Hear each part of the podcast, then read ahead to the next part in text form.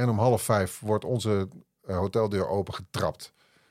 En ik lag als dichtste bij de deur. En er ging, zat iemand bovenop me in mijn bek te stompen. Ja,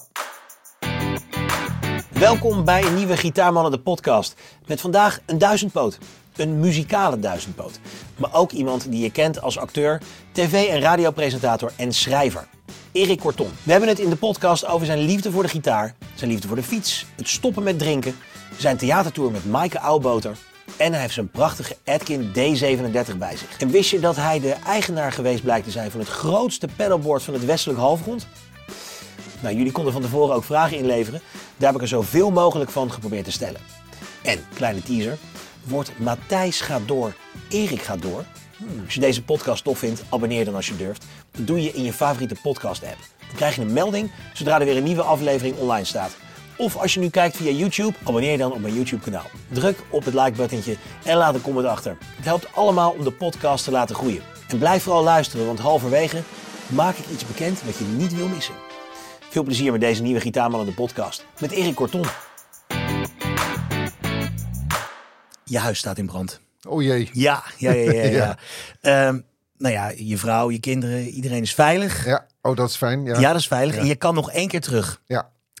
En de vraag is dan, wordt het een gitaar of een fiets? een fiets. Een fiets? Ja. Ja. Vertel. Ehm, nou, ik, ben, ik, heb, ik heb gemerkt dat ik, eh, ehm, als ik niet beweeg, Ja. dan gaat het niet goed met mij. Ah, En als ik niet speel, gaat het eigenlijk best prima. gaat het eigenlijk best prima. Dus eh, dat is eigenlijk de, de, de, de, de reden waarom ik een fiets zeg. Ik moet blijven bewegen in mijn lijf. Dat is goed voor mijn hoofd. Mijn hoofd heeft eh, operates in mysterious ways. Eh, nou, het is ook niet zo mysterieus. Maar op het moment dat ik niet beweeg, dan raak ik in de knel. Dus Ja. dat heb ik geleerd in de afgelopen 54 jaar. Ik ben er wat laat achter gekomen. Maar ehm, dus ja, dat is de fiets. dat is belangrijk inderdaad. Dat is Maar belangrijk. jij hebt zes jaar volgens mij geleden heb je echt wel een belangrijke keuze gemaakt, toch? De ik heb zes jaar geleden eh, be- be- besloten om een. Nou ja, die, weet je, op een gegeven moment merk je dat er dingen in een soort van. eh, moet je het zeggen? Bijna visieuze, cirkelachtige. eh, eh, ehm, op, een, op een visieuze, cirkelachtige manier telkens weer misgaan. Dat Hmm. ik merkte dat ik dingen. ik controle kwijtraakte. Dat ik dacht, wat ben ik nou aan het doen? Eh, en dat ik uiteindelijk ook wel al voor een langere tijd wist dat de oorzaak daarin lag in mijn overmatige drank- en middelengebruik. Nou, Ja. middelengebruik had ik er al wel uitgeweten te flikkeren, dat lukte dan wel. Maar dat drankgebruik was eigenlijk de, de basis van, van alles wat de hele tijd die visieuze cirkel in, in gang zette. Dus ik wist eigenlijk al heel lang dat ik daar eens een keer mee moest stoppen. En dat is zes Ja. jaar geleden gelukt. En dat, eh, dat heeft er ook mee. Ik denk dat ik zes jaar geleden misschien nog wel de gitaar had gezegd. Ja.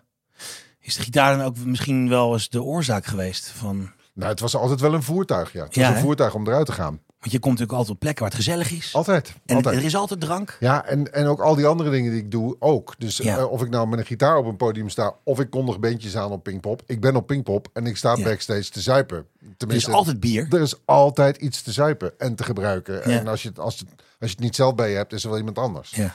Hoe doe je dat? eh, hoe, hoe heb je het volgehouden, zeg maar? Want, het- Al die jaren van wel, bedoel nou, je? ik, ik ben heel erg erin geïnteresseerd. Want ik heb net sinds 1 januari besloten van... Klaar. Jij bent aan het uh, droog januari... Of Nou, nee, ja. gewoon echt stoppen? Ja. Oké. ja, het begon zeg maar met het idee van, eh, nou, dry January. Maar Ja. eigenlijk wist ik al van, eigenlijk gewoon wat jij ook zegt. Van, het is gewoon de oorzaak voor heel veel Ja. vervelende dingen. Jezelf niet in de hand hebben. En eh, dat je dan, eh, en in mijn geval dan, weet je wel, eh, in- eh, als je in gezelschap bent. En je bent een beetje aangeschoten. Dat je dan toch een beetje confrontatie gaat zoeken. Ja, ja, ja. Je denkt, Oh, heb jij, ben, jij een ben je een zuigdrinker? Nou ja, daar, lijkt, daar leek het steeds meer op. En Ja, dat vond ik gewoon niet fijn. Nee, is en het ook niet. Want je bent volgens mij een sympathieke gast. Dat hoop je, dat hoop je dan. Dat, Ja. je dat, dat mensen dat vinden. En ik Ja. had zoiets van, nee, ik moet ermee kappen.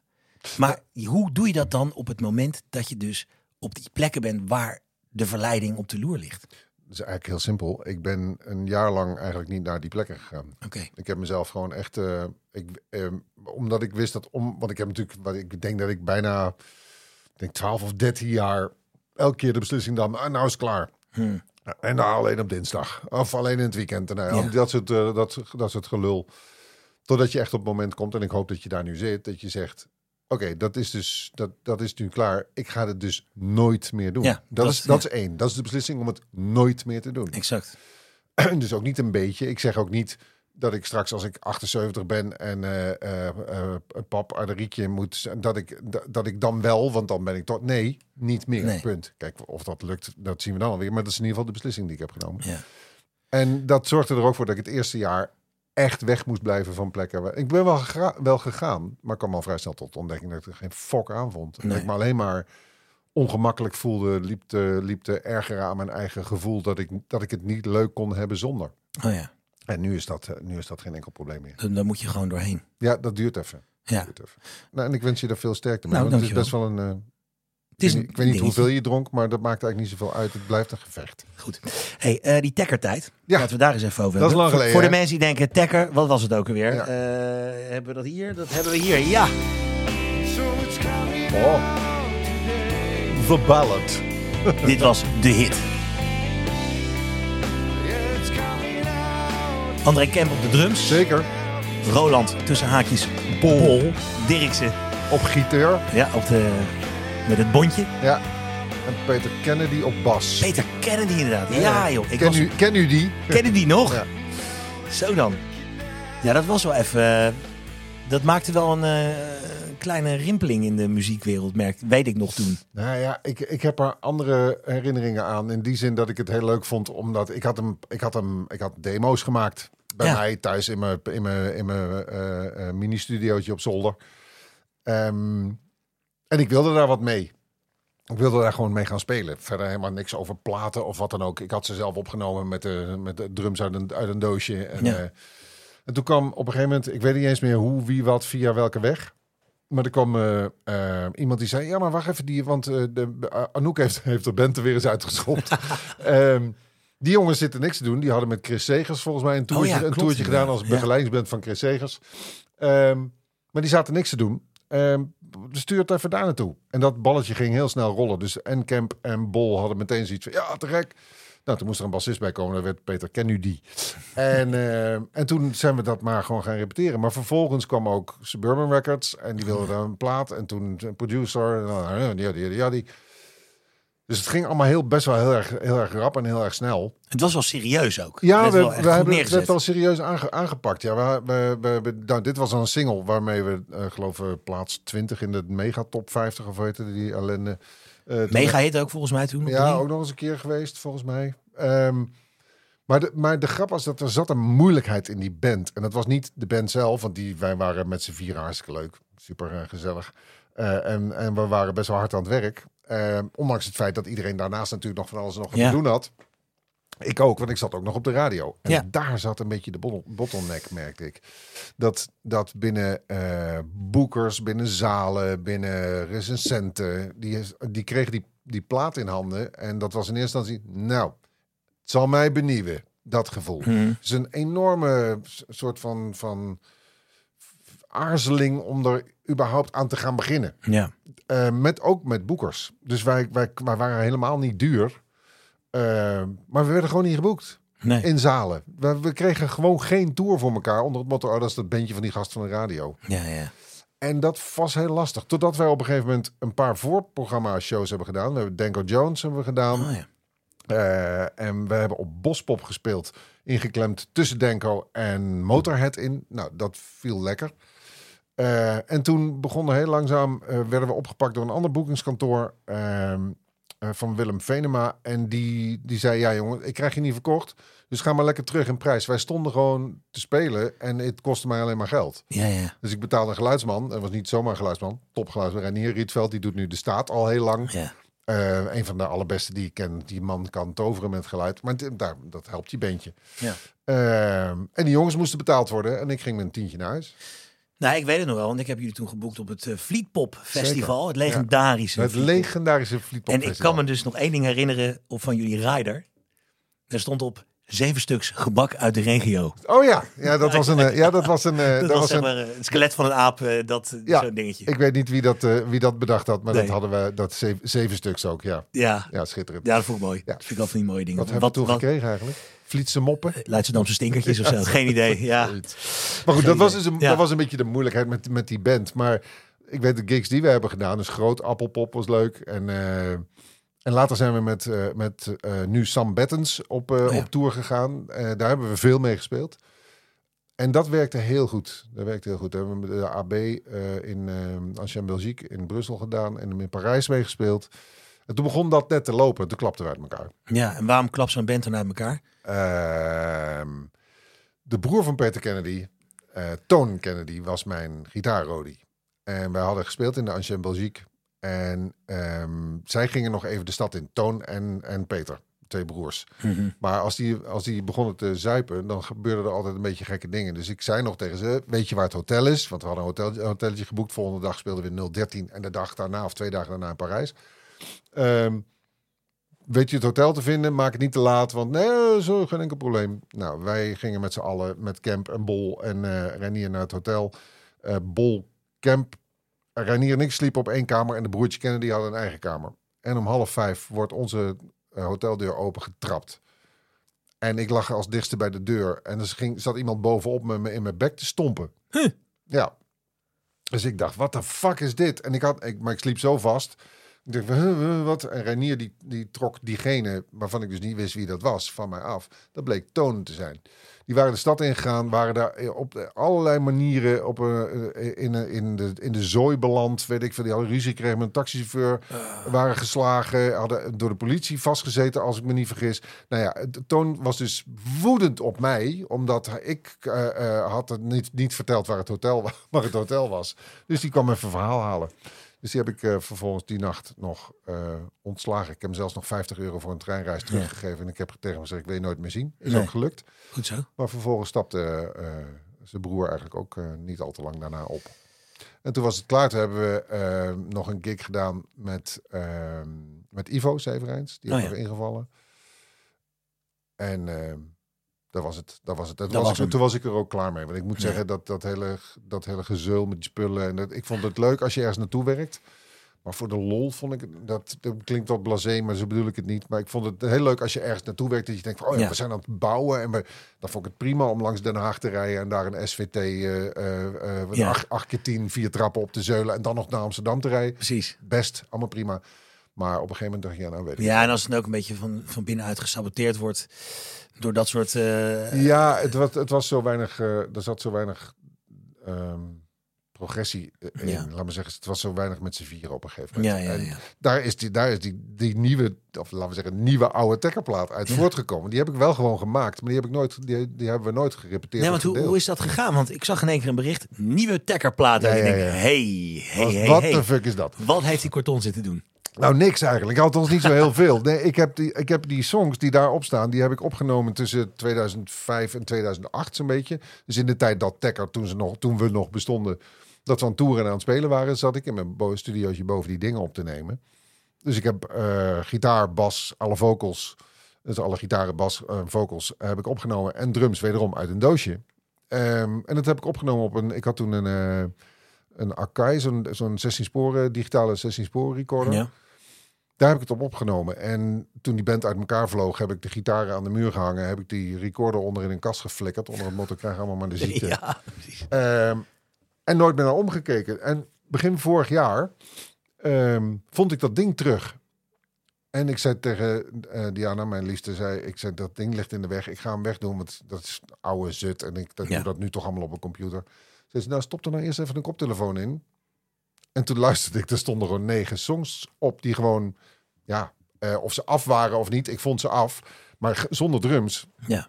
Dus ik dacht, ja, ik wil dit gewoon afmaken. Want het is gewoon een documentje van een periode in mijn leven waarin het leuk was, maar ook heel slecht met me ging Mm. tegelijk. Want het was wel een, een, een culminatie van en muziek maken en gebruik en zuipen. Ja. Ehm, maar die plaat, die gaat wel ergens over. Dus toen dacht ik, ja, dan, hoe ga ik dit nou doen? En ik had net het 5 mei concert gedaan eh, op de Amstel met Joost van den Broek, producer.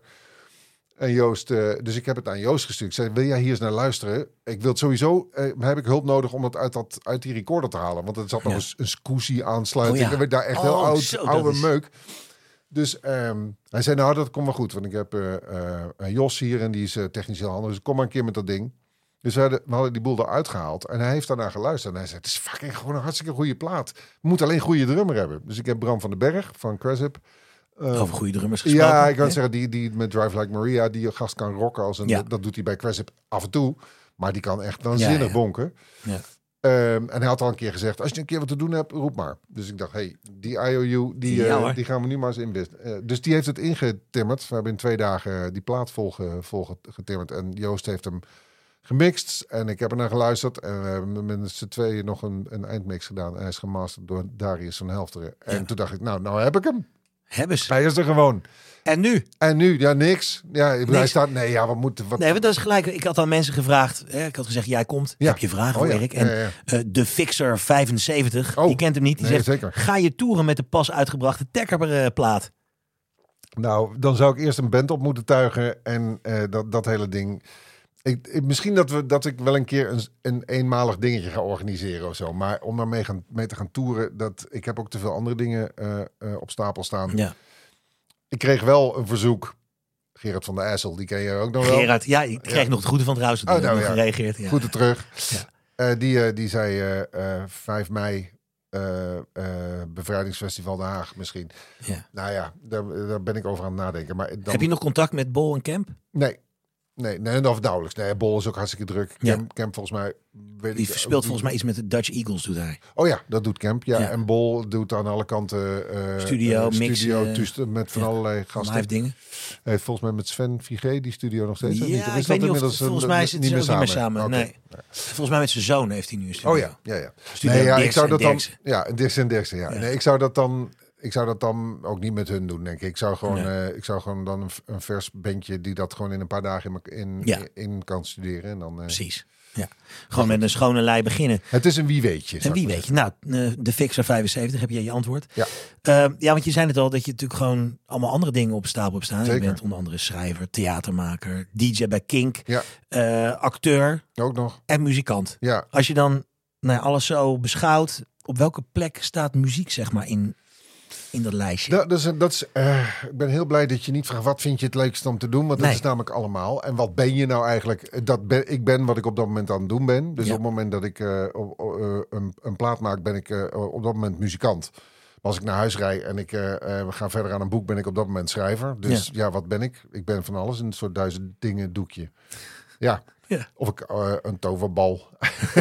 Ehm, nou ja, waar staat muziek? Is, dat, is, dat, is, dat is precies de vraag die ik mezelf ook wel stel. Want ik, ik ben begonnen met gitaarspelen toen ik 11 was.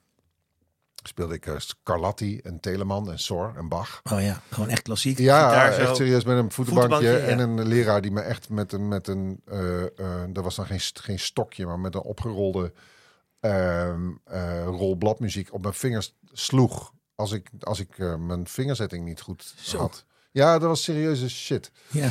Eh, Tegenwoordig word je daar eh, keihard voor Keihard ja, ik wou net Ja, zeggen. hoor. Ja, nee, eh, ik denk dat hij dood is hoor. Hij Ja. heette Hep van Holland. Oh, goede naam. Hep van Holland, ja. Ehm, maar ik vond dat... Ik, ik was daar heel goed in. Ehm, want ik was heel leergierig en ik vond het ook mooi. Want ik hou heel erg van klassieke muziek ook. Hmm. En nou moet ik eerlijk zeggen dat de klassieke gitaarmuziek vind ik vaak mm, een beetje too many notes, zou ik maar zeggen.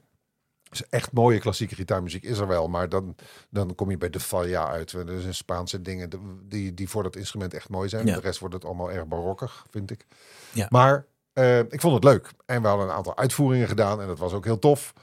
Ehm, maar op een gegeven moment hoorde ik eh, Hendrix en toen wilde ik dat. Toen zei hij, ja, maar dan gaan we eerst eh, gaan we, jazz en blues Tuurlijk. dingen. Dus ik krijg zo'n jazz en, jazz en blues. Dat je denkt jazz op je twaalfde, hoezo, waarom? Ja. Ja, waarom doe je twaalfde wel klassiek en geen jazz? Dus ik kreeg een beetje jazz, intro dingen, vond ik geen zak aan. Dus ik zei, ja, maar ik wil Hendrix. Waarop hij me zuchtend aankeek en zei, hoezo? Je wilde toch gitaar leren spelen? Nou ja, dat was een beetje alles in, eh, in één gezegd. Dus Ja. toen ben ik gestopt met gitaarspelen. Mijn moeder vond dat vreselijk. Die is naar Hep van Holland toegegaan en heeft gezegd... waarom? Ik wil niet dat hij stopt. Waarop hij zei... en dan kom ik op de antwoord op je vraag. Ja. Hij zei tegen mijn moeder... ja, ik vind het ook jammer... want het is een talent op het gebied van, van klassieke gitaar. Maar maakt u zich geen zorgen... deze jongen zal die gitaar nooit loslaten. Eh, en daar heeft hij wel gelijk in gehad. Ondanks het feit dat het dus in de rangorde van alles wat ik doe... soms helemaal wegzakt en dan weer omhoog komt. Maar dat heeft te maken met, met mijn relatie met het instrument aan zich. Ik ben geen, ik noem het altijd de piemelgitarist. ik, kan, ja, ik kan dus niet die gitaar pakken en op de bank terwijl ik televisie aan het kijken ben. Of Nee. alleen maar tien. Zo lekker om te spelen. Lekker piemelen. Dat. Ja. Dat kan ik niet. Dat Nee. heb ik geprobeerd mijn hele leven lang. En Moet functioneel zijn. ik ben een soort timmerman dat op het moment dat ik dat ding pak, ga ik een liedje schrijven. Ja. Of ga ik eh, iets uitzoeken omdat ik toevallig volgende week iets moet spelen ergens. En zo gauw als ik klaar ben, hang ik dat ding aan de muur. En loop ik er langs de rest van de weken langs. En kijk ik er niet eens naar. Ik heb een beetje het gevoel, een timmerman gaat ook naar zijn werk. Ja. Gebruikt die hamer om een spijker in de muur te slaan. En als hij thuis komt, gaat dat ding in een doos. En dan gaat hij ook niet thuis voor de lol zitten timmeren. Maar heb je niet die, zeg maar, die, die, die piemeltijd, om het maar even zo te Ja. noemen, heb je die niet gehad ook? Ik bedoel, als ik naar mezelf kijk, ik heb dat vroeger wel heel erg gehad. Dus ik, toen ik Hendrix ontdekte, was het, ik kwam thuis van school, ik zette Hendrix aan op mijn, op mijn stereotoren, de Fender-versterkertje aan en weet je wel. Nee. Dat. Nee. Nee? Nee. Ik heb ook, ik bedoel, ik hield van Hendrix. Maar ik kan het niet spelen. Nee. Nee, dat is heel, dat is heel raar. Net zo goed als dat. Dus daarom heb ik altijd. Ik, ik heb dat instrument nooit losgelaten. Maar de liefde is niet zo eh, verregaand. Ik denk dat als ik dit op piano had gekund, dat het piano was geweest. Ja, ja. Ja, precies. Dus het is of niet... als ik heel goed had kunnen leren drummen, was, het, Ja. was ik drummer. Het is meer, het is, nou ja, het is letterlijk een stuk gereedschap. Wat, wat, mee, wat in jouw koffer zit, zeg maar. En het is een voertuig om iets te maken. Om iets Ja. te maken wat, eh, eh, wat ik wil vertellen. Ja. En dat kan je natuurlijk ook alleen in noten doen. Maar het is bij mij dan de combinatie tussen noten en, eh, en tekst. Want heb jij daar, ik, ben zelf ook een beetje schuldig aan dat ik alles leuk vind en heel veel dingen een beetje kan. Ja. En dan en overal uitdagingen Ja. zie en dan beter wil worden daarin en zo. En dat, dat was ooit de gitaar.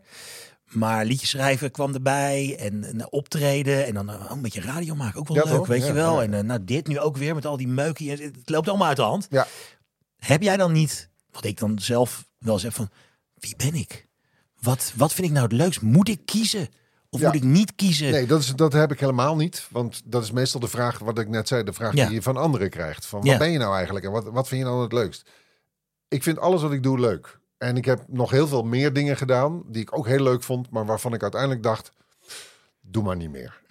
dat, nee. dat, ik heb dat lang geze- eh, ge- gezegd over dat spelen met een band. Dat ik dat heel leuk vond, maar dat ik niet de gedroomde frontman van een band was. Want ik ben er geen, geen uitermate begenadigd zanger of wat dan ook. Als ik weet wat ik aan het vertellen ben, dan gaat het aardig. Maar je moet mij geen vocale hoogstandjes laten doen. Of eh, dat, dat, dat, is het, dat is het niet. Nee. Ehm, ik weet inmiddels waar ik, waar ik eh, nou mag ik wel zeggen, ehm, waar mijn kwaliteiten liggen en waar ik, waar ik echt wel goed in geworden ben. Ik kan goed radio maken. In al mijn stunteligheid af en toe en, en gedoe, gedoe weet ik dat wat ik daar aan het doen ben, dat dat klopt. Ik kan goed interviewen. Dat heb ik ook geleerd in de loop der jaren. Eh, ik kan aardig schrijven. Dat, daar zit nog heel veel ruimte om, Ja. om te verbeteren. Dus ik weet, ik weet van al die vlakken waar ik op bezig ben, wat ik daarin kan. En, en hoe ver ik daar nog in zou Ja. kunnen komen. Of er nog headroom is. Wat een rek is. Ja, en, Ja. en wat ik bij de gitaar wel heb, is dat ik het zelf bij tijd en wijle, nu heb ik dat weer niet, omdat ik denk, ja, ik ben nu, ben nu met capo's bezig en Mhm. andere stemmingen en zo. Dat is weer dan iets waarin je jezelf uitdaagt en dan laat ik het ook weer weg. Maar dan, dan, dan leer ik mezelf dat, want ik ben de rest natuurlijk autodidactisch bezig geweest nadat ik gestopt ben bij mijn vriend Hep. Eh, Heb van Holland. Hep van Holland. Ehm, hij zal toch nog leven, dan is hij 104 zonder hand. Nou, heb als je luistert. Als je luistert, kom de volgende keer langs. Ja, Want- je bent uitgenodigd, hè? bent bij deze uitgenodigd. Ehm, Wildcard. ja, een wildcard. Nee, ja, dat, dat, dat ik die gitaar...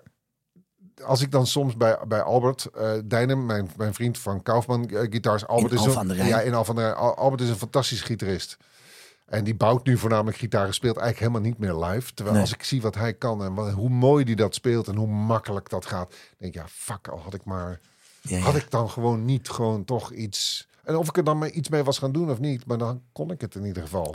Dus Ja. eh, of als er ergens een bandje staat te spelen, dat je denkt, ehm, oké. Ik werd vorige week gevraagd door Andrew Stockdale van uh, Wolfmother. Die ken ik. Oh, ja. Die ken ik. eh, die speelde met de Pace Shifters in, in Paradiso. Of ik een eh, nummer mee wilde doen. En dat doe ik dan niet. Want dan denk je, Dat doe ik Mm. niet. Dat kan ik niet. nee. En dat kan ik wel, maar dan gaat het me zoveel bloed, zweet en tranen kosten om daar gemak in te krijgen. Ja. Dan doe ik het dus liever niet. Maar je hebt wel op, op Pinkpop op het podium gestaan met Triggerfinger. Ja. Waarom heb je dat dan wel gedaan? Omdat ik daar, dat was twee weken van tevoren. Dit was, kun je overmorgen. Oh ja.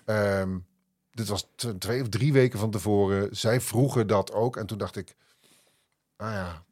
ja, dat vind ik wel te gek. En misschien En- ook omdat het daar, dat je je daar veilig Ik voelde. heb daar, sta daar vaker op het podium, weliswaar Ja. op een, in een andere hoedanigheid. Misschien dat dat het ook was. Maar dit voor een vol Paradiso die naar Wolfmother komt kijken, vond ik lastig. Dus Andrew, Ja. als je het hoort, dat was de reden. Ik heb gezegd, het was ook op mijn verjaardag. Hij luistert altijd, weet Het ik. was ook op mijn verjaardag. Dus Dat ik- is ook een was, heel goed Dat was de smoes, ja. Ja, ja, ja, dat begrijp ik inderdaad.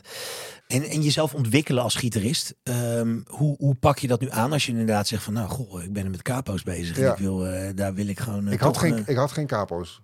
gewoon nul. Nooit. Nooit gebruikt. Alles nooit. open E. Alles in een En gewone barré normale... schuiven. Een aap die alles... Die, die, een aap die geen bananen eet. Ja. Of graag bananen eet. Of grote. Of je Ja, mag. Ja. ja. precies. Eh, dat. En als het dan eh, omhoog moest, dan eh, was het barreeën geblazen. En veel power chords, hè. Super. Ja, Ehm, dus, maar de grap is dat wat ik... En ik denk dat iedereen, iedere gitarist dat wel herkent. Je kunt je uitdagen op diverse manieren. Dus inderdaad met openstemmingen, met capo's. Maar weet je waar je je ook enorm in kan uitdagen? Waar je ook verschrikkelijk failliet aan gaat? Nieuwe gitaren kopen. ja. Want zoals, kom ik weer bij mijn vriend Albert, altijd zegt... In iedere gitaar Oh, zit ja. een ander liedje. Oh ja. Maar dat is Oh echt ja, waar. dus dat is zo, tuurlijk. Dat is gewoon fucking waar. Ja. En ik dacht, wat een gelul. Ik bedoel, ik heb altijd de, de, in die tijd dat ik die rockabilly speelde, eh, waar ik ook wel serieus, dat vond ik echt leuk. En daar was ik ook serieus, serieus best wel goed in. Speelde ik alleen maar die grote, die Gretsch jongens, die 61-20's en, eh, en een Tennessee Rose en een Country Gentleman en, eh, en, en Black Falcon en Ja. ga zo maar door. Ja, dat waren gitaren, daar was ik heel comfortabel in. Ja. Als ik dan op een strat moest gaan spelen, dacht ik, wat de fuck ik is dit zo- joh? Wat is dit voor Ja. rare mini kinderviool? Ja, ja, ja. Dus, eh, en dat is nog steeds niet mijn gitaar, maar een Telecaster bijvoorbeeld. Daar, die, ik heb een Telecaster nu en ik heb een Jazzmaster waar ik. eh, en dat speelt weer totaal anders, maar heel te gek. En vooral met akoestische gitaar. Als je een, Ja. een, een mooie, geweldige, goed gebouwde, mooi klinkende eh, akoestische gitaar. Dat inspireert gewoon. Dat inspireert. Ja. Ja. Ja, want laten we daar gelijk eens even naartoe gaan. De favoriete gitaar van... Oeh. Je hebt er eentje achter je staan. ja. Eh, is dat echt jouw favoriete gitaar? Nou, of is het op dit moment jouw favoriete gitaar? Het is op dit moment waar ik de meeste... Ik ben aan het schrijven nu. Ik ben liedjes aan het maken. Omdat eh Maaike Auwboter en ik hebben een toertje gedaan Ja. recentelijk. Met liedjes van Maaike. Met liedjes van Mike. Ja, die hebben we samen gespeeld. Dus ik speelde weer gitaar. Ehm, dat was te gek om te doen. We hebben 21 voorstellingen met heel veel publiek ook. Dat was heel tof in een periode dat het in het theater nog steeds fucking lastig was. Ja. Zaten wij voor 85% over de hele linie van Zo. de 21 voorstellingen gevuld. Nou, Holy dat is- shit. Ja, dat is echt wel... dat, was eh, serieus, dat was serieus goed. Daar waren we heel gelukkig mee. ja, En we waren heel gelukkig met elkaar. eh, met de manier waarop we dat met z'n tweeën hebben gedaan. Dus we hebben nu besloten Oh ja? om een eh, nieuwe voorstelling te maken. Ja? Hey Erik, Mike hier. ik wilde jou even laten weten dat ik zo ongelooflijk blij ben dat ik met jou mag spelen. Eh, de tour die we hebben gedaan vond ik echt fantastisch. En ik heb er heel veel geleerd. Jij komt uit weer een heel andere muzikale hoek dan ik. En het is superleuk om te kijken naar wat eh, brengt ons nou samen. Wat, wat hebben we gemeenschappelijk en hoe, eh, ja, hoe verhoudt zich dat tot elkaar. En ik kijk heel erg daarnaar uit om, om een nieuwe tour te gaan doen. En ook meer samen te gaan schrijven. Want ik denk dat daar super toffe dingen uit kunnen komen. Ehm, maar ik heb nu al zoveel van je geleerd. En ook van naast het spelen ook op een podium te staan. En vertrouwen te hebben in... dit is wat ik maak. Ik sta hierachter. Ik vind dit tof. En, eh, en ja, op de manier waarop jij rust uitstraalt... heeft mij echt heel veel vertrouwen weer gegeven in dat het belangrijk is... om toffe dingen te maken en daarmee op tour te zijn. En, eh, en de waarde daarvan. Dus eh, heel erg bedankt daarvoor. En ik kijk heel erg uit naar onze nieuwe dingen die we allemaal nog gaan maken en spelen. En, nou, veel plezier samen daar. Dat vind ik wel heel tof om te horen. Omdat, weet je, eh, vanaf de eerste kennismaking met Maaike in de beste singer-songwriter... ja, dat was een speciaal moment. Ja, dat was een bijzonder moment. Want er stond een twintigjarige jonge vrouw een liedje te doen... waar de, de, de, de hele jury van eh, eh, uit elkaar brokkelde. Ja. En heel Nederland ook. En heel Nederland vervolgens.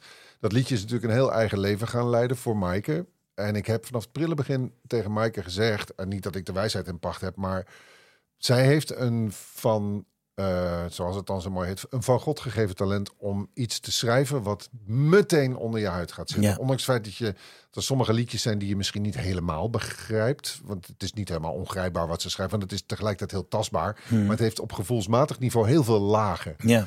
En dan heeft ze die stem, die wat een soort, ik noem dat altijd maar een soort heel achtig, we komen in de drank, een kiezelachtige, frisse witte wijn is, waar je je vinger in doopt en dan over de rand van het glas een soort...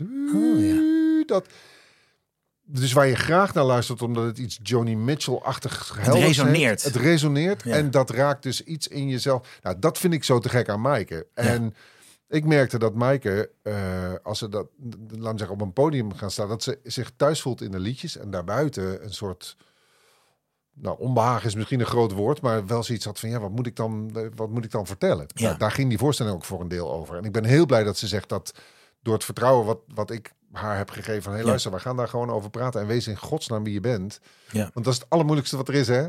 Dat is de eerste radioles die ik kreeg. Wees gewoon wie je bent. Ja. Ja, doe maar even. Ja. Wees, gewoon, wees gewoon jezelf. Hallo? Dat, Ja. ja. daar kun je heel lang over Nee. doen. Ehm, maar dat dat, dat, dat dat iets is wat ze heeft gevoeld, ben ik heel blij mee. En ik kijk er inderdaad enorm naar uit om dingen samen te schrijven. Ondanks Ja. het feit dat ik dat dus nog nooit met iemand heb gedaan. Samen schrijven. Dus ik schrijf nu voornamelijk alleen. Ja. En dan pleur ik dan in ons, in ons gezamenlijke bakje zo meteen. En Ja. dan kijken we wat zij daar nog over kan zeggen. Jullie hebben nog nooit samen in één ruimte gezeten, gitaartjes op schoot. En, eh, Ja, nou, om, om weer heel pragmatisch om dingen van om haar liedjes te repeteren, maar Ja. nooit om samen te schrijven. Ik heb dat nog nooit gedaan, dus dat, ik, is dat gaan we wel doen binnenkort. Dat is een spannende aangelegenheid, maar als je dat eenmaal een keer gedaan hebt, is het is echt aan te raden. Oké, nou dan gaan we dat binnenkort. Ik zou dat doen. gewoon doen. En eh Mike, ik vind het prachtig, want zij is hier ook de gast geweest in de podcast. Ja. En ik ben één vraag vergeten te stellen toen. En dat, dat, nee, dat, ik heb toen ooit een keer gehoord, misschien weet jij dat. eh, toen in de wandelgangen gehoord Hmm. dat zij dat haar een duet was aangeboden met Marco Borsato en dat ze dat geweigerd heeft. Oh, En dat, dat heb ik hem nog steeds willen vragen, maar dat ben ik vergeten. Dus ik denk, ik, zal hem doorpassen. ja, misschien Mike, als je luistert, eh, Ja. hoe zit dat? En- Bel nog even. ja, ja, precies. Ik kan er ook gewoon vragen. Ja. Ik kan er ook gewoon Ja, appen, tuurlijk, maar nee. Maar dat vond ik toen zo. Toen, ik hoorde dat toen een keer. Ik was ergens en toen werd het zo gezegd. Zo van, ja, ze heeft dat afgewezen. Toen dacht ik, wat sterk. Nou wat ja, sterk. Wat goed om, te, om zo'n keuze te maken. Nou ja, het is precies wat ik net zei. Ik heb vanaf, vanaf eigenlijk die, die uitzending eh, Beste Singer-Songwriter... toen raakten wij met elkaar in gesprek... ehm, over wat ik in die uitzending had gezegd. Want ik, ik vond het heel knap dat een 20-jarige jonge vrouw... een liedje wat zo eh, over iets essentieels gaat... als over rouw, verlies, verdriet... ja, Eh, en met zoveel mooi gekozen woorden dat, dat eh, handen en voeten gaf. Eh, en, maar wat ik nog veel bijzonderder der, der, der vond, was dat zij dat stond te zingen met de afstand die nodig is Ja. om het naar mij toe te brengen. Dus zij stond daar niet kapot te gaan. Zij zong het met een bepaalde afstand, waardoor die hele bank Ja. en iedereen achter de camera in elkaar stortte. En vervolgens Nederland. En dat vond ik heel knap. En toen heb ik ook tegen haar gezegd: jij hebt dat van God gegeven talent om dat te doen. Daar moet je heel voorzichtig Ja. mee omgaan. Want er gaan nu allerlei mensen aan je trekken om, nou, bijvoorbeeld met Borsato een duet te gaan doen. Of ze heeft volgens mij ook een uitnodiging gehad om bij de Vrienden van Amstel notabene. Met dat liedje kan je nagaan. 12.000 man in, in Ahoy. De, eh, dat heeft ze, even ook, heeft ze ook niet gedaan. Nou, en, en vervolgens is ze, is ze, is ze continu, en, de- en we hebben elkaar in al die jaren nooit losgelaten. Heeft ze elke keer bij alle keuzes die ze gemaakt heeft, altijd even, even eh, gepolst. Niet alleen bij mij, maar ook Nee. bij, bij anderen die ze is gaan vertrouwen in haar omgeving. Is dit de weg die ik moet Ja. gaan? Dus ja, vind ik knap. dat Dit, vind raakt ook heel erg, vind ik, aan als je heel veel dingen kan. Ja. Dat je heel veel verzoeken krijgt om dingen te doen. En dat je dan al toch een soort van je eigen kompas, Ja. ondanks dat je van alles doet. Kiezen in de veelheid. dat, is, exact. dat, is, en dat is een kunst Ja, Ehm, die ik inmiddels, ik ben nu 54, eh, eh, wel aardig beheerst volgens Ja. mij. Ik maak geen, niet zo gauw meer fouten. Soms maak je wel eens een keuze om het geld, zal ik maar zeggen. Mhm. Maar dat zijn nooit foute keuzes in die zin dat ik iets doe waar ik, me, waar ik me niet mee kan verenigen. Maar soms heb je wel gewoon eens een keer centen nodig. ja. Voor een nieuwe gitaar bijvoorbeeld. exact. Daarover gesproken. Hopla! Hey, even snel voordat Erik zijn gitaar erbij pakt. Ik vertelde aan het begin al dat ik iets tofs te melden heb.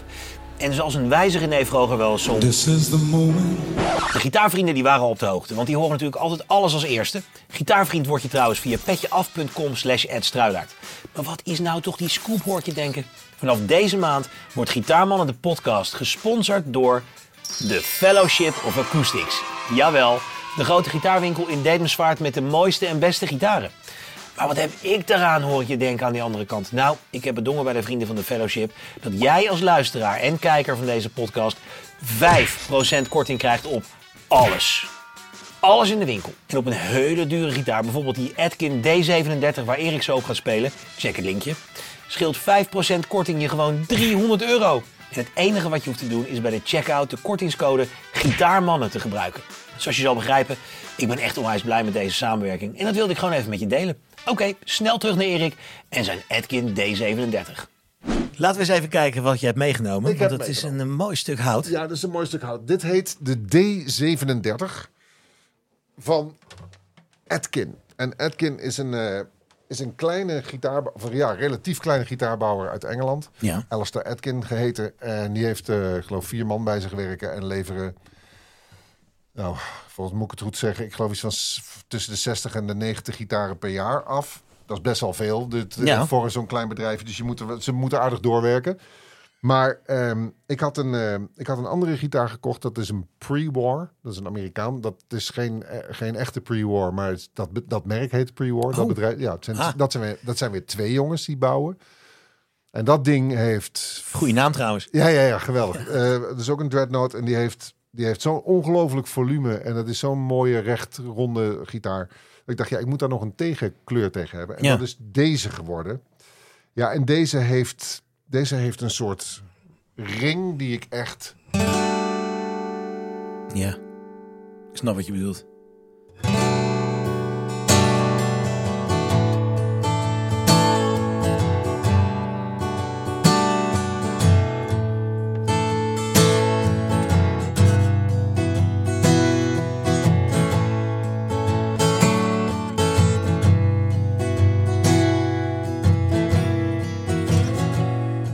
Soort eh, stevigheid in het midden. Ja. Maar hij heeft ook dat laag wat Nou ja, strak is. En zeker als je hem... Heel kleintjes. Ja. de, ik merkte dat vooral als ik samen met Maaike speelde eh, en Maaike dus akkoordjes aan het strummen was en ik aan het, aan het eh, tokkelen, dat je dit blijf je horen. Dit is een Ja. soort een soort vleugel. Het heeft een hele brede range Ja. en ik en hij speelt like die nek is te gek. Eh, overigens is het de, de, dezelfde nek als die op, ook op die pre-war zit. Ehm, ja, en ik vind het gewoon een heel mooi gebouwd. Het is een heel mooi gebouwd instrument met een. Uit welke is het een, een nieuwe? dit is nieuw. het- Ja, dit is echt nieuw. Ja. Je ziet En- aan de laks, lijkt het een beetje alsof die... eh, Ja, dat doen ze allemaal. Hè. Dat is ja, eh, tegenwoordig eh, heel erg hip om alles te, te agen. Nou ja. Zij, ma- zij, zij kunnen... Heel licht geaged hoor. ja, dus niet... de- dus is niet...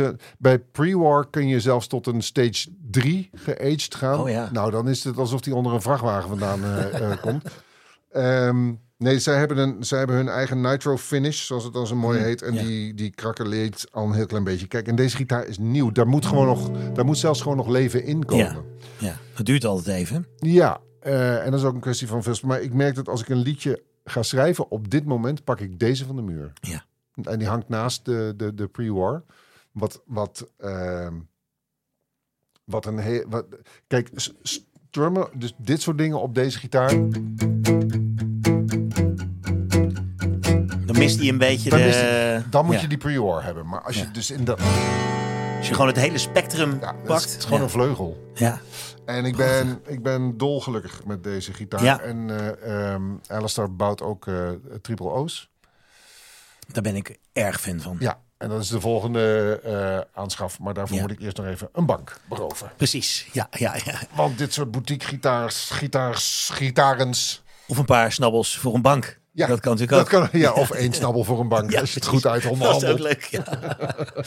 hey, wat voor snaar heb je daarop zitten? Eh, hier zitten uh, 011's op. Oh ja. En dan, eh, ik, heb, eh, ik ben... niet- Gewoon een medium. eh, ja, gewoon een medium. Ja, Ja.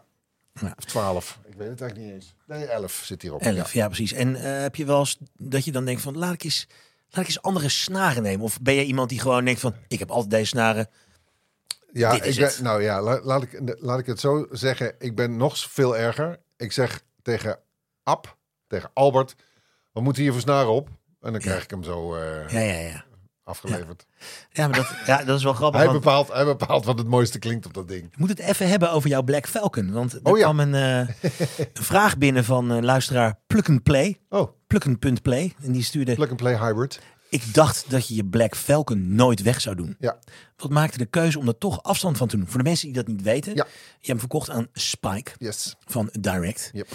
Die, eh, die, die staat er nu volgens mij mee in, eh in Ahoy, denk ik. Hè? Met Dat de zou goed kunnen. Dat zou goed Eh, kunnen. Als hij hem al, als hij hem al helemaal vertrouwt, dan, Ja. dan staat hij daar, dan staat Maar hij daar op te glanzen. ik merk toch bij Plug and Play dat er wat teleurstelling zit. Ik dacht dat je hem nooit weg zou doen. Ja, volgens mij heb ik dat een keer gezegd.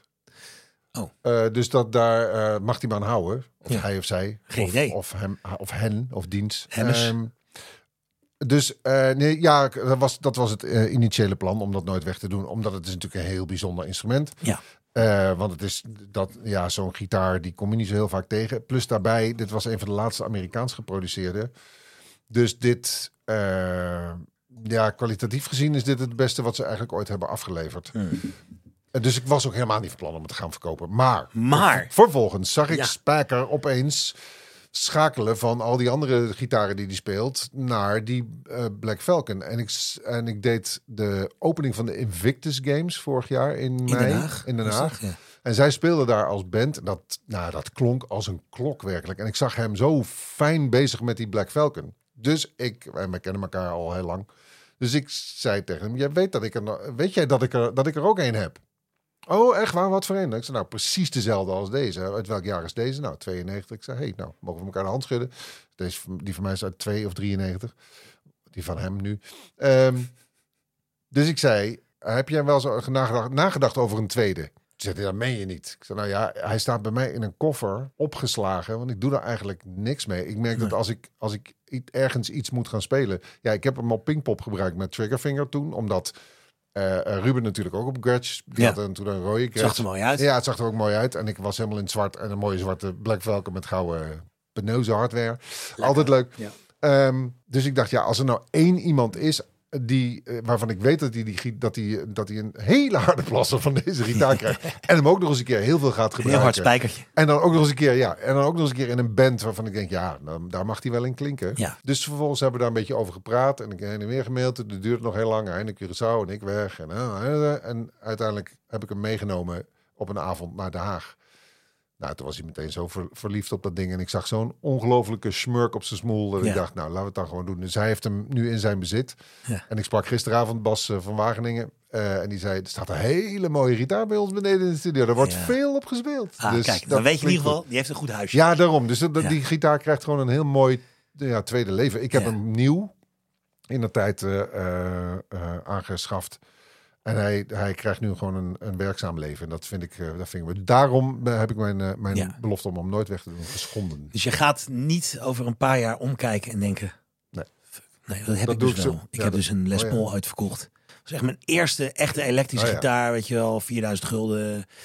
Feedback, Rotterdam, weet Oh je ja. wel, achter het glas daar zo. Doe mij die, Die. maar. Weet je wel, van de krantenwijk en eh, alles. eerste gitaar 4000 gulden. Nee, nee, nee. Mijn eerste echte, Oh, oké. echte, zeg, zeg maar, Ik merkgitaar. schrok al. Nee, nee, nee, nee. Mijn eerste was een Squire'tje. Ja, oké. Ja, ja. Ik had een Hondo. Een Hondo. Ja, ik zou ik je een leuke anekdote over de Ja, Hondo vertellen? natuurlijk. Nou, hou jij even je, Ja, ik hou- je, ik hou je, me- je spijtverhaal, ja, ja, want ja, ik, ja. die Hondo, anders ga ik het vergeten. Ja. Ik had een Hondo. Hmm. En die had ik gekocht toen voor 75 gulden. Nou, dat was een serieus bedrag. Eh was, mijn eerste, was mijn eerste elektrische gitaar. Ja. En eh, op een gegeven moment had ik ook gespeeld, maar dat ding ja, eh, dat stond niet afgesteld. Dus het was echt een eiersnijer. Daar haalde je echt je volledig je poot aan open. Maar goed, ik had dus eelt voor 10 op mijn poten. Dus ik wilde ook naar een betere gitaar. Dus ik eh, had een Ibanez zien hangen in de, in de etalage in Arnhem dan weliswaar. Ehm, dus ik ging dat, met dat ding, met die Hondo in mijn tas, met de bus naar Arnhem toe. Want ik ging vragen hoeveel die Ibanez kost en of ze misschien die Hondo erop in wilden ruilen. Ehm, dus ik kom daar binnen, staat zo'n eh, gast met lang haar. Eh, Hoi, hoi, wat kom je doen? Ik zei, nou, eh, ik, ik wil vragen, ik wil graag die Ibanez heel graag. Die was toen 370 gulden of zo. Ja, ja.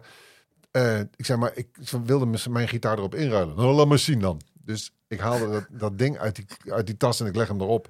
En hij kijkt ernaar en hij draait zich om en roept... Bart! Bart, je moet nu echt even komen! Dus ik dacht, what the fuck? Holy shit. Wat is dit? Bart, kom even hier. Kom, kom.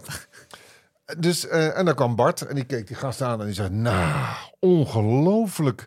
Serieus? Maar, eh, en eh, tegen mij, waar, hoe kom je hier aan? Dus ik, nou, die heb ik met mijn vader gekocht, daar en daar. Te gek, te gek, te gek. Ja, mooi, mooi. Wat wil je er eigenlijk mee doen? Nou, willen jullie misschien innemen? Want dan, of hè, dat ik hem aan jullie verkoop, dan kan ik die Ibanez kopen. Nou ja, heel graag zelfs. Ik zei, nou, dat is mooi. Hoeveel zou me dat dan schelen op de 370? Nou, minimaal vijf gulden. Ja. Als ik die klootzakken nog een keer tegenkom. Oh man, man, Dan, man. eh, ja, ja, ja. ja, ja. Jij dacht echt van nou, Onder nu het motto, we gaan dat jongetje eens even... tussen kunst en kitsch. Ja, precies. Jij Ik dacht hem even te heb, hebben. eh, Ik heb de Stra- Stradivaria, eh. Stradivaria onder de Stradivaria. Onder de hondo's. Ja. Ja.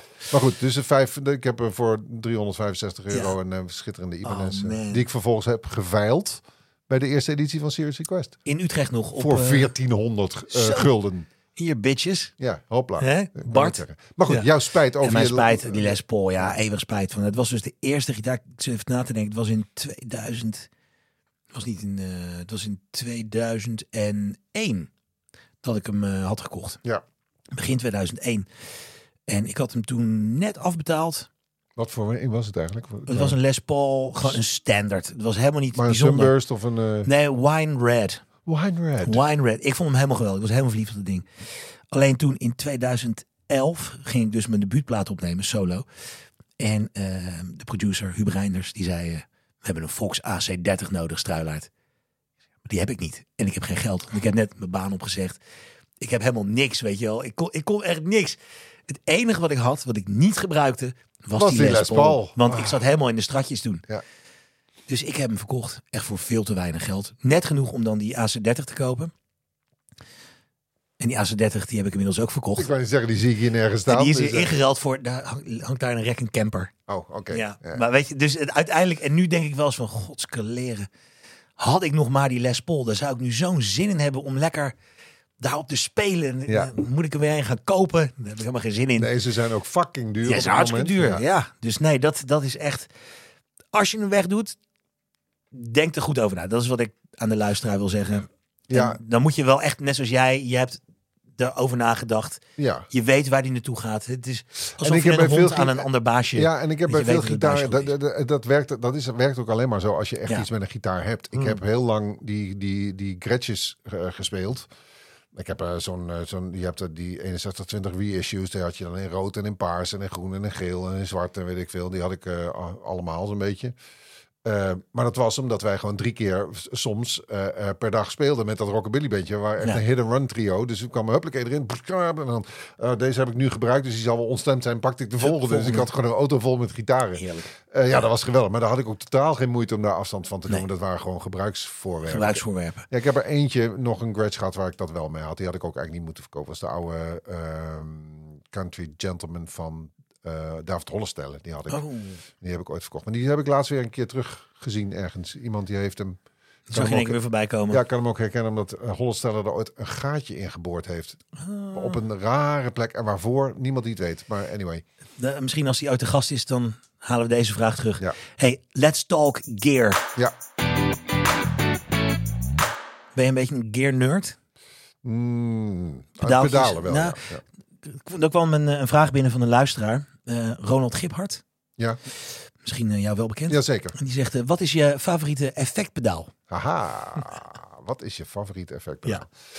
ja, er zijn er heel, heel veel die te gek zijn. Ik, ik ben erg van de Strymon geworden. Omdat het, als je moet rocken, Ja. niet, met, niet meteen, maar als je mooie brede sounds wil maken. Dus ik heb die, die timeline. Timeline, ja.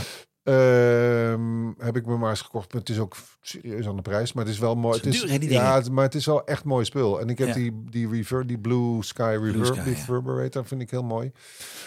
Ehm, ja, ik zweer bij een, eh, bij een, eh, ehm, een, eh, een oude muff. Die heb ik nog. Ja. En een ratje heb ik nog een oude.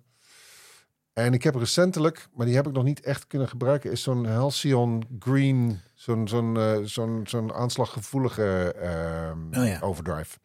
Daar heb ik nog niet echt mee kunnen klooien, maar Nee. dat, eh daar moeten we even, daar moeten we even Die gaat nog wel op het pedalboardje Ja, geschoven ik zag, eh, ik zag eh, hoe heet die, eh, Matt, Matt McJunkins, die had hem getest en die zei, dit is echt een bizar apparaat, omdat je, omdat je, omdat hij echt je aanslag volgt. zou ik. Want heb jij een, een groot pedalboard of ben jij van de kleine functionele... Zijn de Nee. pedalboards ook functioneel? Nee, ik was eh, in de tijd bij Tekker. Eh, echt, Rodies konden me wel kapot schoppen. Ja. Want ik had eh, door... eh, Jij eh, kwam aan daar op je pedalboard. zeg nou, maar. bijna wel, ja. Ik had er bijna wielen onder, onder gezet. Ja, nee, Ron, hoe heette die ook alweer? De, de Ron, Ja. eh, godsamme, de oude, de oude Ja. tech van Direct in de tijd. Sm- sm- Ah. dingetje, dingetje. Nou ja, kan het honderd keer zeggen. Ja, uit Den precies. Haagse. Ja. uit Den Haag. Die, had, eh, die heeft eh, uiteindelijk mijn pedalboard gebouwd. En die, heeft daar, die hadden we alles ingedouwd wat erin. Dus ook twee hele grote love tones. Die had ik ook nog. Die, er staat er eentje bij Kaufman nog te koop. Die meatball is dat. Dat is een ding wat gaten in je geluid schiet. Nou, dat is echt... dat- Je, je hebt er niks aan, maar het is een waanzinnig mooi Ja. eh, pedaal. Dat zat er allemaal in. Zaten, nou, er zitten 420.000 miljoen miljard eh, eh, pedalen in. Plus nog eens in een, een goede, stevige kist gemaakt. Met een voeding van 6,5 kilo. Dat ding was alsof je je grootmoeder naar de begraafplaats aan het dragen was. Dus elke keer als ik zei, jongens, doe voorzichtig met dat. En dan tilden ze me op en keken ze me aan met zoiets van... Goddomme, kan Vuile dat niet? Ja, kan dat niet in tweeën? Of, Ja. Ehm, die kist is inmiddels de koffietafel bij Kaufman eh, Oh. geworden. Ik heb alle pedalen eruit gesloopt en, eh, en die eh, en voor een deel verkocht. En weer nieuwe dingetjes aangeschaft. Ja, ja, ja. Eh, maar die, die koffer is daar nog te bezichtigen als zijn de reliquie van een, tij- van een bepaalde tijd. En eh, de hernia van diverse, van diverse rodies. Ja, mooi. Reliquieën, de- hernia's ook erin verwerkt. En, eh, ja, Zeker. Ja. Dat soort dingen. Ehm, maar ben je dan ook bijvoorbeeld bezig, als we het hebben over gear, dan heb ik het ook over kabels en plektra en dat soort zaken. Ben je daar ook dan bewust mee bezig? Mm, kabels niet, want dat gaat, dat gaat toch altijd een stuk. Ja. Ehm, ik ben Ja, er zijn natuurlijk mensen die zeggen, als je goede kabels koopt, dan... eh, ja, maar ja, bij mij gaat alles stuk. Ehm, het volgende onderdeel heet tips, tricks. en wat er verder allemaal nog ter tafel komt.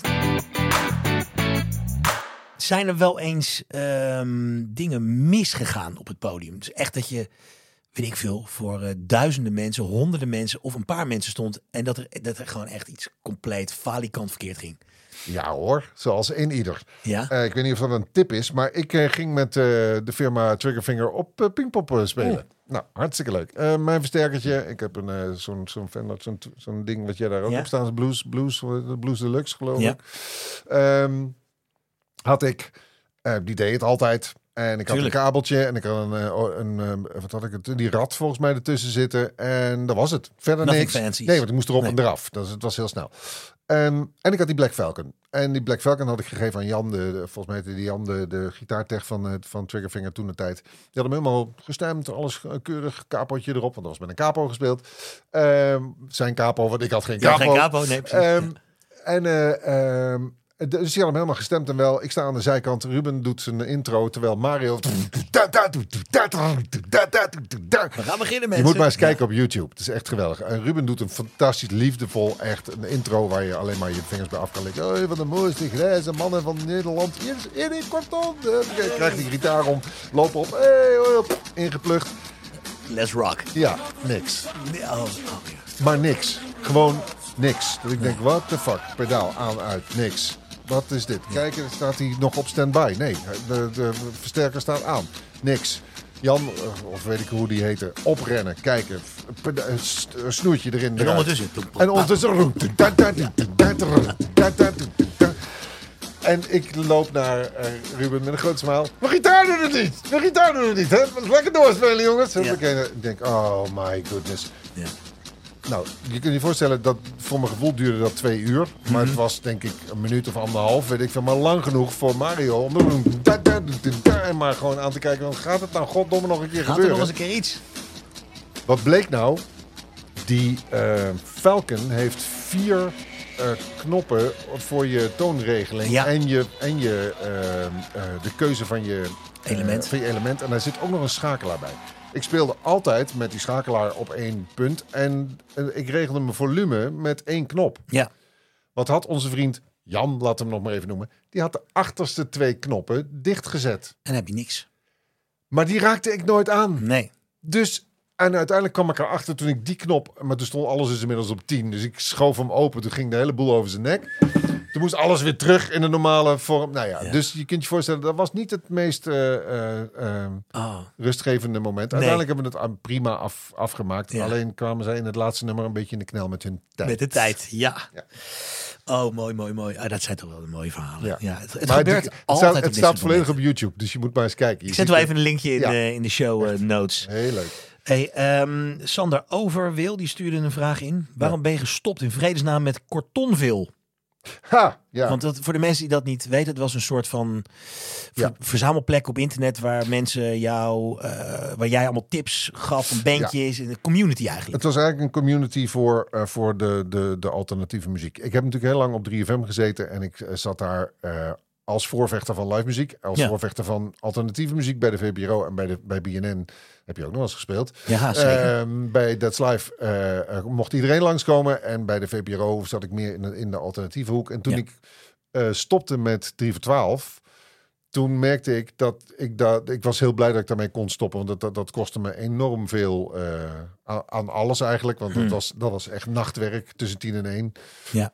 En dan had ik overdag nog kinderen en de toestand, dus ik was op een gegeven moment was ik gewoon echt op. Ja. Ehm, maar toen ik daarmee stopte, dacht ik, ja, maar ik raak nu wel mijn eh, wapen kwijt waarmee ik al die bandjes nog ruimte op de radio kan geven. ja, Dus dat vond ik echt kut. Dat vond ik jammer. Want eh, nou ja, bands als De Staat, weet je, dat- dat, dat was bij mij gewoon een vaste waarde in mijn ja ik programma. weet nog dat je die voor het eerst ging draaien. Ja. Dat was echt, ik denk dat die band anders niet het podium Nou, had gevonden. Misschien ook wel, maar, maar, het- maar het begin bij de, bij de... ra- Kijk, radio is natuurlijk een raar ding, omdat iedereen altijd roept... ja, je hebt het helemaal niet nodig. Is ten dele ook waar, maar het scheelt toch nog steeds. Je merkt Nog nog, steeds. steeds. dat op het moment dat een band op de radio komt... ik merk het nu met Wodan Boys bijvoorbeeld... Ja, wij draaien dat bij Kink eh, eh, helemaal gek. ja, Ehm, en dan merk je, en dat, daar sprak die jongens gisteravond ook over... zat gisteravond bij Galit en Sophie, mochten ze even een kontje geven... heerlijk. Ehm, dat, dat, dat het echt werkt. Dat Ja. mensen het horen. eh, ook collega's die zeggen, hey, het gaat goed hè, met jullie. Want de radio is toch nog steeds een Ja. factor. Dus toen ik daarmee stopte, dacht ik, ja, fuck, dat raak ik nu kwijt. Hoe ga ik dat dan anders doen? En ehm eh, René van Dongen, a.k.a. Charlie Day, Hm, oh ja. die... eh, een lieve, dierbare vriendin van me. Die zei, ja, maar moet je dat dan niet door blijven doen? Toen dacht ik, ja, wat moet ik dan doen? Een Facebookpagina beginnen met, eh, met, met demootjes of weet ik veel, hoe dan? En toen zei zij, zij is veel ondernemender dan ik. Veel meer ondernemer dan ik, want dat ben ik helemaal niet. Nee, dan moeten we dan wat groter aanpakken. En vervolgens zijn we met een andere partij nog in zee gegaan. En dat werd kortom veel, een soort Ja. platform daarvoor.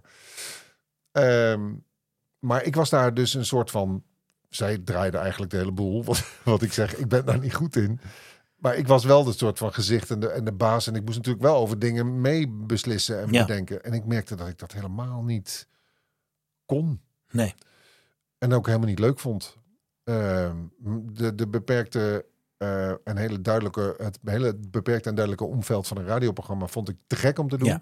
Maar dit was zoveel. Dit heel waren breed. en recensies en interviews en filmpjes. En ik tufte het hele land door met een camera om Ja. documentaires te maken die ik dan zelf s'avonds tot laat midden in de nacht nog zat te monteren. En Moesten mensen daar nou zeg maar een kleine bijdrage? nee, dat was allemaal voor, voor fucking niks. Ja, volgens mij kon je, je kon een t-shirt kopen. Dat was ons ja. beginkapitaal. Ja, Nou, dat hadden ook veertien mensen gedaan. Nee, dat is Ja, flauw. ja, nee. Maar eh, daar, daar, daar konden we het niet van doen. nee. Dus eh, het was allemaal liefdewerk uit papier. En er werkten iets van 30 vrijwilligers die. eh, en, en daar ben ik ze nog steeds hartstikke dankbaar voor. Dus misschien dat hij daar een van is. Hij of zij. Ehm, Sander. Sander. Dus dank nogmaals, Sander, als jij er een van was. Of als je een t-shirt gekocht hebt. Of anderszins. Ehm, en het spijt me dat dat niet gelukt is. Maar ik kon dat gewoon niet. Nee. En uiteindelijk ehm, heb ik me eruit teruggetrokken. Maar ja, het is een beetje raar als de naamgever van Kortomveel zich eruit terugtrekt. Ja. Dus het, uiteindelijk is het aan, eh, aan, aan Wally, eh, eh, aan Waldo Volmer overgegeven voor, ik geloof, het symbolische bedrag van een euro. En die heeft er Nevermind the Hype van gemaakt. Oh, en dat, Oh, dat dat bestaat nog steeds. Oh joh. Ja. Oh, dat wist ik niet. Ja. Leuk. Goed dat het in ieder geval toch is doorgegaan wat dat betreft. Ja, op een andere manier en met een totaal. wij- wilden echt een community. Wij wilden echt een soort wil maken. Echt een soort dorp Ja. waar je en online en offline eh, echt bij kon horen. Is het En- ook niet een beetje wat Kink nu bijvoorbeeld eh, toch ook probeert te doen? Probeert Kink- te zijn? Want nee, Kink- voelt Kink wel is- een beetje zo. Kink is wel echt een radiostation. Dat is, wij- we zijn wel allemaal radiomakers in hart en nieren. Ja. Eh, de dingen die daar buiten georganiseerd worden, zoals gisteravond in Hedon heeft Jasper eh, Leidens, wat onze, wat onze muziek, nieuwe muziekgrasduiner is, wat hij heel goed doet, Ja. heeft, eh, heeft weer een avond georganiseerd voor zijn Kink in Touch. Wat ja, hij, er komt steeds meer live muziek. We hebben de ruimte niet. Hè? We zitten in zo'n soort vergelijkbare kelder als wij, wij hier nu dit zitten te Ja. doen. Jij hebt het wat mooier aangekleed zelfs. Maar daar maken wij radio vanuit. Dus, dus als mensen daar komen, moet het akoestisch. En gewoon in deze microfoon waar ik nu ook in zit te blaffen. Wordt wel steeds een klein beetje beter. Maar we hebben de ruimte gewoon niet. Dus we zullen eruit moeten. Dus dan kunnen mensen wel naar ons toe Ja. als zijn de kink. Maar, maar niet een hele grote online community of wat dan ook. Nee, maar eh, het, het voelt wel gewoon als ik, ik volg natuurlijk allemaal, eh, dan zie je gewoon wel dat zo'n zender als Kink echt een aantrekkingskracht heeft op echt een clubje, wat, wat echt ook een soort clubje wil zijn. Ja. En dat vind ik wel heel sterk. Nou ja, mensen gaan met kink shirts aan naar concerten. Ja. Eh, kunnen ook een t-shirt van de band aantrekken, maar doen een kink shirt aan. Ja. En vinden elkaar dan ook bij Ja. concerten. En dat heeft echt te maken met dat het profiel van onze zender zo duidelijk is dat op het moment dat je weet dat je, dat je kink aanzet, weet je ook wat je krijgt. Dus dat zijn de grote jongens, dat zijn de Pearl Jams en de Foo Fighters en uh, ga ze maar door. Van, van de, de, de, laten we zeggen, de brede en wat commerciëlere alternatieve muziek, de rockmuziek. Ja. Het is allemaal gitaar, bijna allemaal gitaar gedreven. Hoewel we ook af en toe een Billie Eilish tussendoor flikkeren, omdat, het, omdat we dat ook te gek vinden. Ja. Eh, of andere wat meer elektronica gerichte, maar het meeste is toch gitaar, guitar driven. Dus oud uit de 90s, uit de zeros, eh, tot aan nu. Ehm, en jonge beentjes ja. die we te gek vinden. Dus Wodan Boys, eh de Vices, nou noem maar op. Dat, eh, Wordt er weer veel gitaarmuziek gemaakt? steeds meer. Is het Ja. meer aan het worden? Nou, ik zei, het, ik zei dat gisteravond bij, bij Galiet en Sofie. De, er is jarenlang eh, hebben muziekjournalisten en andere, andere gespuis hebben verkondigd dat de gitaarmuziek dood Ja, was. wordt elke tien jaar wordt dat weer geroepen. Nee, daarom. Kijk, dan ga ik iets zeggen wat, wat blaseer klinkt dan dat ik het bedoel. Want zo bedoel ik het helemaal niet. Maar ik zit inmiddels lang genoeg in de muziek om die circulaire eh, eh, eh, beweging mee te maken. Ik geloof dat ik nu vorige week voor de derde of de vierde keer hoorde... ja, dit is echt een nieuwe Joy Division.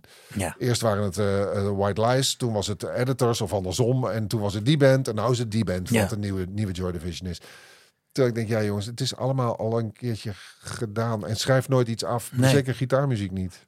Maar denk jij niet dat, ehm, nou ja, een paar jaar geleden, toen je ook nog bij 3FM zat, het was natuurlijk Ja. de, de zender die bijvoorbeeld in Kensington, nou letterlijk wel gemaakt heeft, denk Ja. ik. Zeker. Ehm, dat is de afgelopen jaren natuurlijk met de teleurgang van, van drie een stukje moeilijker geworden om zo'n band te breken. Want zo'n band wordt bijvoorbeeld bij Veronica niet, nou ja, misschien bij de huidige Kens- Veronica Kensington wel.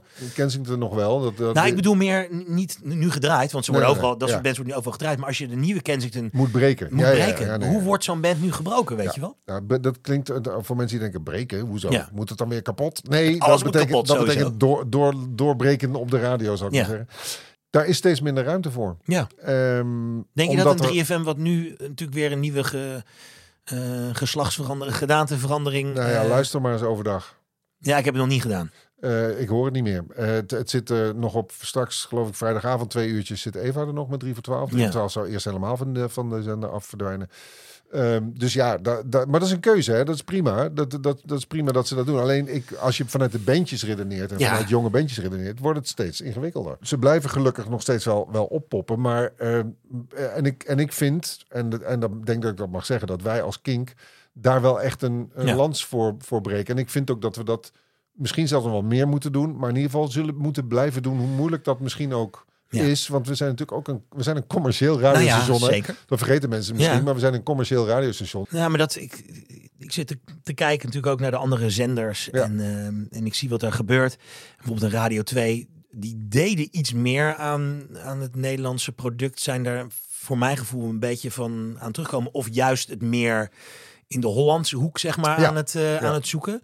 Eh, waardoor je niet meer zo'n bandje als een Kensington of iets... Dat wordt daar niet gebroken. Dat gaat daar niet gebeuren. Nee, nee. Ik merk bij Veronica, waar ik zelf dan eh, af en toe rondloop, daar proberen we ook gewoon de bandjes te pakken. Ik bedoel, ja, een Stender zit daar. Die, die houdt van, van muziek, die houdt van Ja. nieuwe muziek. En die probeert daar ook de, de krenten uit te, pak, eh, te pakken. En die proberen we een podium te geven. Maar is het groot genoeg om het. Nee, is het groot het. genoeg om een band echt dat zetje te geven? Ja, en je moet je zender draaiend houden. hè. En Ja. daar, daar zit natuurlijk eh, eh, bij die zender eh, eh, ook een conglomeraat achter... wat, eh, wat, op, wat, Zeker. wat gewoon geld moet verdienen. Ja.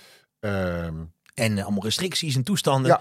Nou ja, eh, dan is het natuurlijk wel te gek ook dat tv... Ja. Dat jij dan gisteren bij Galit en Sophie zit. ja. En zo'n band inderdaad een kontje kan geven. Modern Boys. eh, Ja. en- ja. En dat, dan, dat is Nou- denk ik de enige manier om dat nog een soort van... Ik wou net zeggen, muziek op televisie. ehm, eh, met alle respect voor, voor het programma wat Matthijs heeft, heeft gemaakt. Wat fantastisch mooi gemaakt is. ehm, wat goed klinkt. Ja. Ook wel eens een keer belangrijk. Want dat was ook niet altijd zo in het verleden. Nee. Muziekprogramma's op televisie. Ehm, wat, ehm, ja, wat soms talent, jong talent ook wel een klein beetje de kans gaf. Dus daar, daar was iets aan het, bor- aan het borrelen. Nou ja, dat, dat lazen dus nu weer van de televisie af. Op zonde, een hè? andere manier. Ja. Terwijl ik denk, ja, hangt dat programma per se aan Matthijs? Denk het niet. Nee, Nu, nee. ik weet er nog wel een paar die het zouden kunnen. Nou, Ehm kijk allemaal eventjes nu naar... ja, kijk, eh, eh, gewoon ja. naar het scherm. Nee, Ja, nee, nee, ja, ik bedoel, het is flauw gezegd. Maar nee, ik, maar het zou kunnen. ik weet zou, je wel? Ik zou zo'n programma eh, graag doen. Laat ik het zo zeggen. Het deed mij een beetje denken aan een bepaald programma met een tent. Ja. En een, Ja, en alleen een man de- met een gretsch. Ja, alleen deden we daar geen interviews, maar daar, Nee. daar deden we wel andere dingen. Ja, weet je, zo'n muziekprogramma. Ik ben jaren bezig geweest om dat op die manier van de grond te krijgen. Maar Met Jules Holland als voorbeeld. Ja. Zo erg zelfs nog dat we naar Jules Holland zijn gaan kijken ooit. Om te kijken van hoe zouden wij dat in Nederland kunnen doen. Maar Ja. alleen al het lichtplan wat Jules Holland had hangen. Daar moesten wij acht, acht afleveringen voor maken, geloof ik. Voor dat geld. Eh, maar goed, anyways, we, we hebben toen voor het dak eraf, want zo heette dat programma. eh, daar, hadden we, daar hebben we wel een soort van. Ik krijg nog steeds mensen die zeggen: Oh, dat was gaaf. ja. Jammer dat het maar een jaar of vier gelopen heeft. Dan zeg ik: Een jaar of vier. We hebben, er, we hebben er maar zes gemaakt. Zes maar. Het zijn maar zes afleveringen. Holy maar die shit. zijn zo vaak herhaald. Ja. Omdat het, het was een heel duur programma om te maken. Maar ik geloof dat, ja, we hebben er zes gemaakt. Jezus. Ehm, en toen was het, toen was klaar. En dat was natuurlijk eh, midden jaren negentig, dus een, andere tijd. Eh, Veronica was toen net commercieel gegaan. Ja. Wij werden uitgezonden bij Veronica. Dus er keek nog niemand naar Veronica. Ze hadden Nee. bij ons eh, een soort eh, idee dat wij wel 800.000 kijkers gingen halen. Nou, dat haalden we, voor geen, dat haalden we bij, geen, bij lange na niet. Nee. Dus, eh, en toen in die tijd was 800.000 kijkers. ja, plus dat er opeens was het muziekprogramma's. Leuk. Dus je kreeg, wij kwamen uit het dak eraf. Je kreeg de heren van Amstel toen op televisie. Je had de artist formerly known as Stapel, Tafkas. Huub Stapel heeft ook nog een Nee muziekprogramma. joh, gedaan. ja, dat ja, heb ik dus echt verdrongen. En nog een ander muziek zing meezing programma met nou ja, er waren opeens zes of acht muziekprogramma's. Ja, zo gaat het in de televisiewereld. Ja. Als één A, A zegt, zegt de rest ook A. En dat zou je nu toch ook denken? Want ik bedoel, zo'n programma als eh, wat Matthijs had Ja, gemaakt. dat kost echt serieus ja, geld. dat hè? was met Dat zo'n band toestanden. geld, ja. het is echt zonde. Ja, ja dat is, dat is zeker het zo. maar Nou, gewoon ik, vind het, ik vind het zonde dat je het concept niet Ja, durft door te trekken. Ik vind dat echt jammer. ja vind ik ook. Ehm, ja, ik denk dat we er zijn, Erik. Ik hoop dat ik je een beetje heb kunnen helpen. Jij hebt mij zeker kunnen helpen. info en en ik, denk, zaken. ik denk dat je de mensen geïnspireerd hebt. Nou, blijf vooral spelen. Dat is, dat is wat ik eh, ook heel erg hard tegen mezelf roep nowadays. Maar doe dat gewoon. Ook al is het, eh, eh, is het niet goed, blijf gewoon spelen. Blijf gewoon, Gewoon spelen. blijven gaan. Ja, het, kan, het is zo makkelijk namelijk. Ja. Je hebt dat ding toch ergens staan. En met drie akkoorden kom je de hele wereld rond. Dankjewel. Graag gedaan. Dankjewel voor het kijken. Ik ben heel erg benieuwd wat je van deze aflevering vond. Dus laat me dat weten in de comments. En als je hier voor het eerst bent, vergeet niet te abonneren. En druk op dat belletje, want dan ben je namelijk altijd als eerste op de hoogte als er weer een nieuwe aflevering online komt. Dankjewel.